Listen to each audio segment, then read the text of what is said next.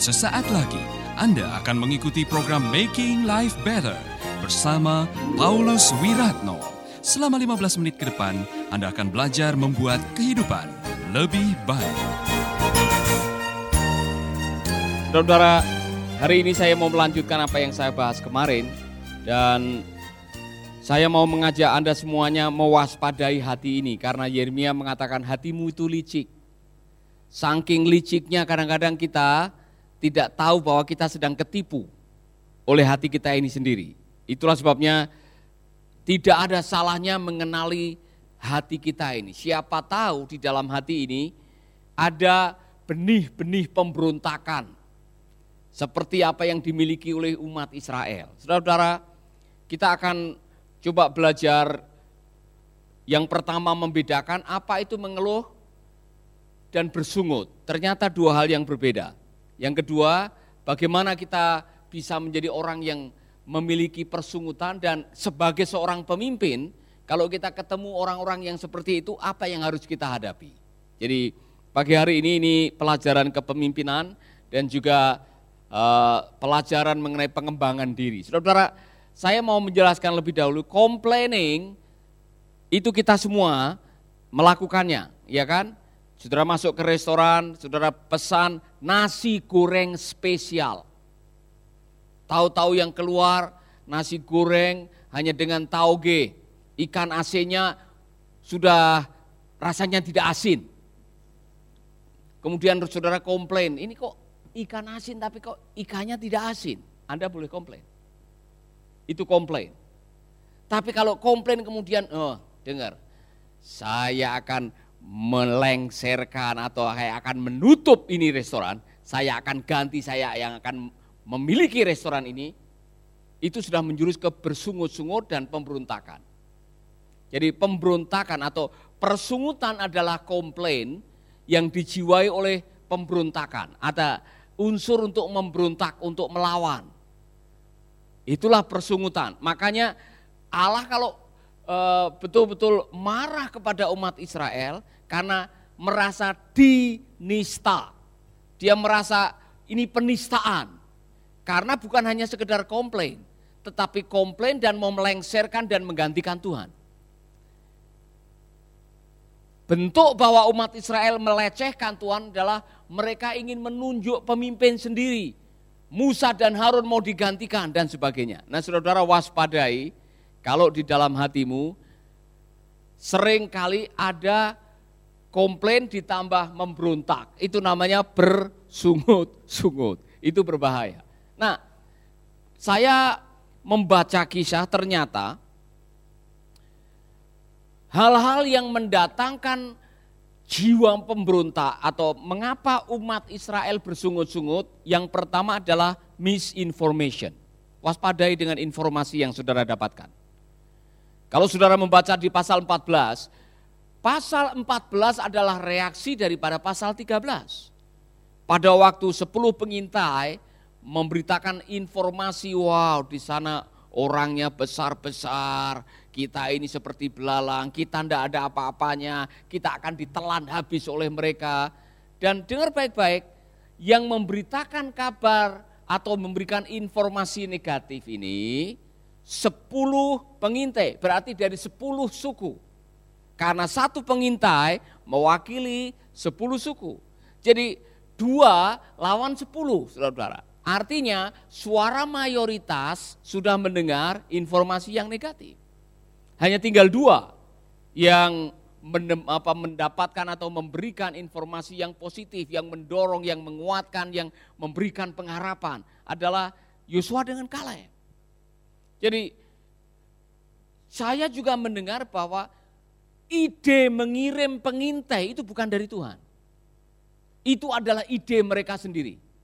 Padahal sebelumnya Allah sudah mengatakan, aku akan memberikan negeri ini. Ini janji Tuhan. Aku memberikan negeri ini kepadamu. Tuhan akan menyertai.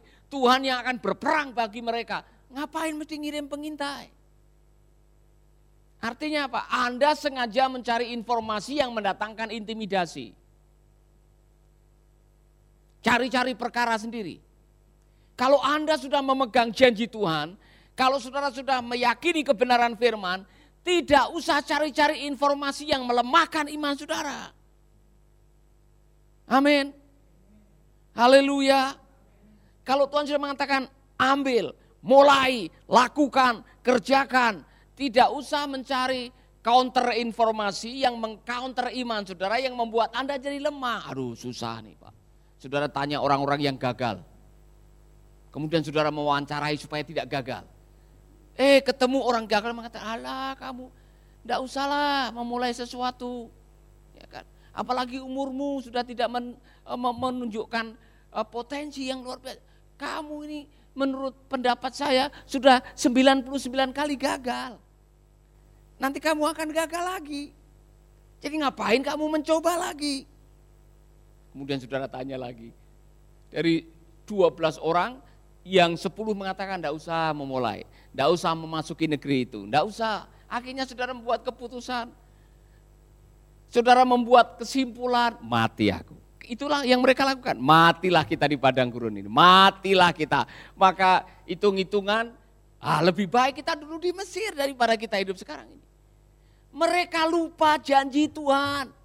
Karena terlalu banyak suara mayoritas yang Anda dengar, Anda lupa kata-kata firman yang pernah Anda dengar. Maka waspadai suara mayoritas. Belum tentu benar. Amin. Anda masih bersama Paulus Wiratno di Making Life Better.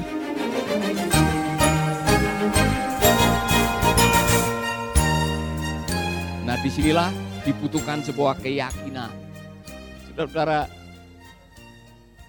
waspadai telinga Anda ini.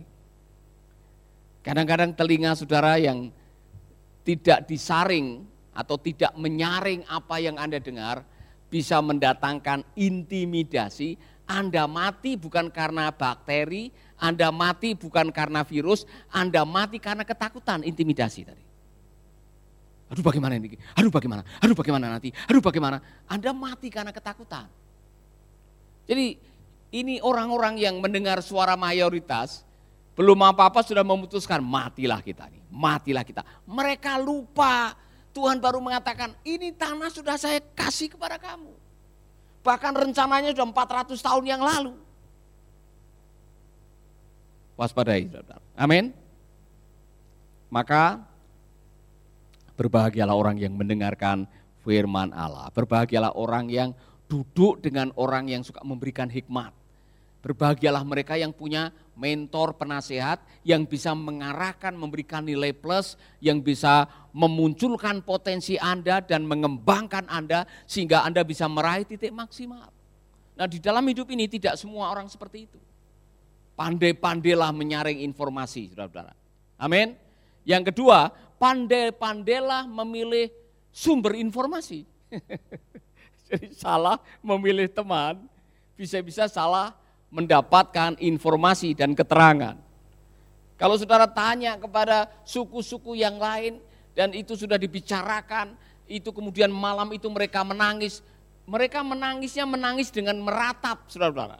Bukan hanya sekedar menangis, mereka sudah meratap seolah-olah mereka sudah mati. Keterlaluan sekali.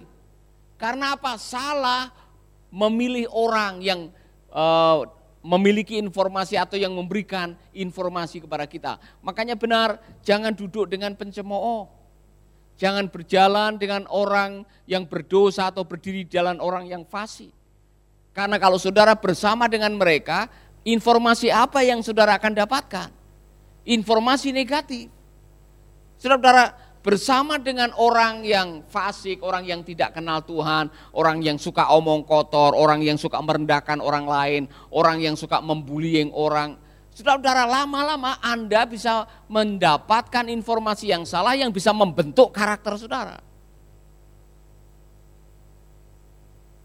Waspadalah. Amin.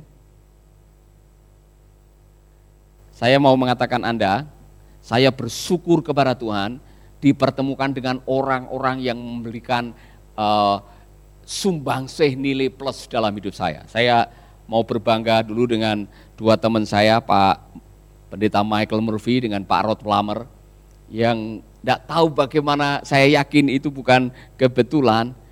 waktu saya masih mengajar di Malang, tiba-tiba saya dibungi oleh Ibu Gail Bonet.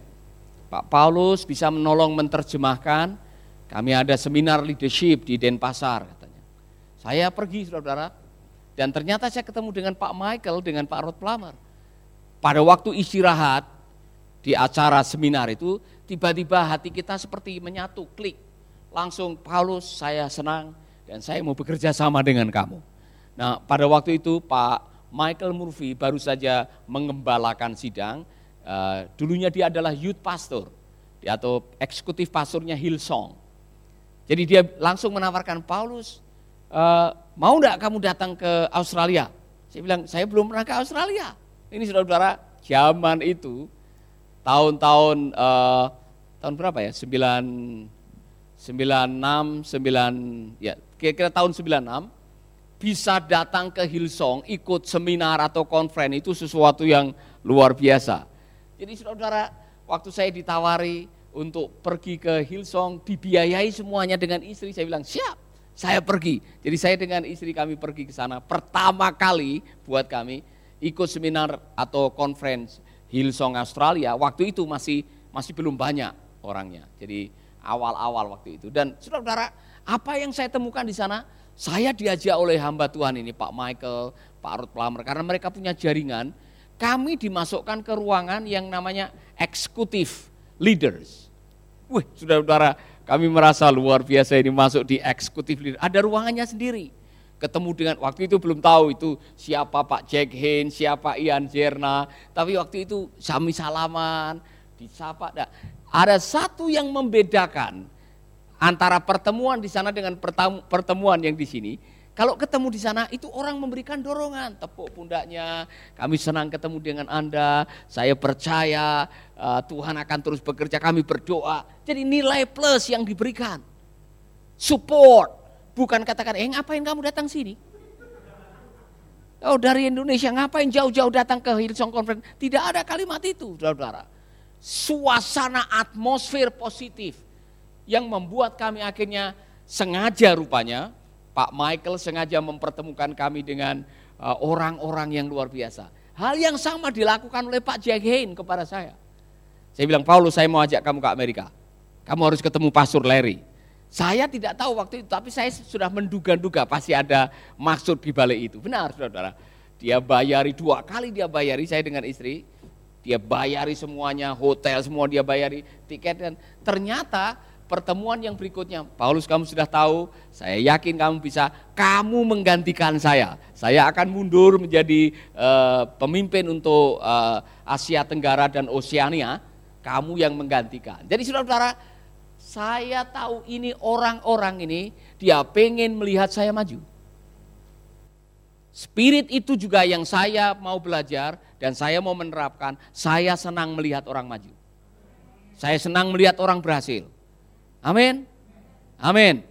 Haleluya.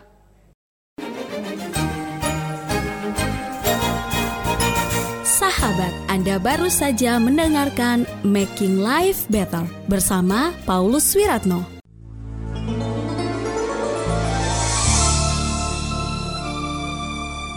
Keluarga Gracia, biarlah firman Tuhan selalu menjadi pelita dalam hidup kita sepanjang tahun ini.